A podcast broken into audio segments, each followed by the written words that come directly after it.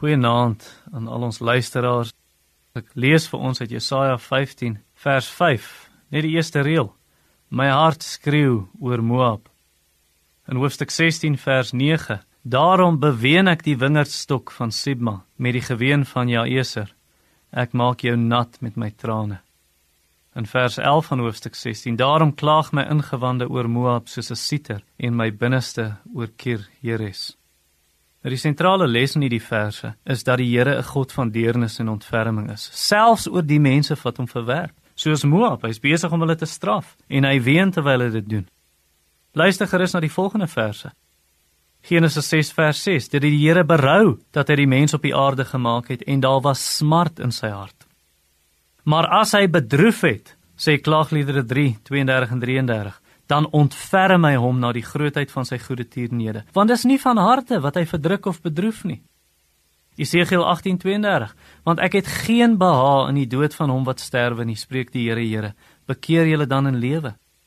Hosea 11 vers 8 Hoe kan ek jou oorgee o Efraim, jou prys gee o Israel? Hoe kan ek jou maak soos Adma, jou gelykstel met Seboim, daai twee plekke is naby Sodom en Gomorra wat verwoes is? My hart is omgekeer in my. Te gelykertyd is my medelee opgewek. In Lukas 19 lees ons van Jesus toe hy naby kom in die stad sien, dis nou Jerusalem, het hy daaroor geween en gesê: "As jy tog maar geweet het, ja ook in hierdie dag van jou die dinge wat tot jou vrede dien, maar nou is dit vir jou oë bedek." So moenie dink dat God traak my nie agtig op 'n afstand staan en kyk hoe die wêreld vergaan nie. Die Here weet beter as enige van ons hoe dit voel om pyn te hê en dink maar aan die kruis.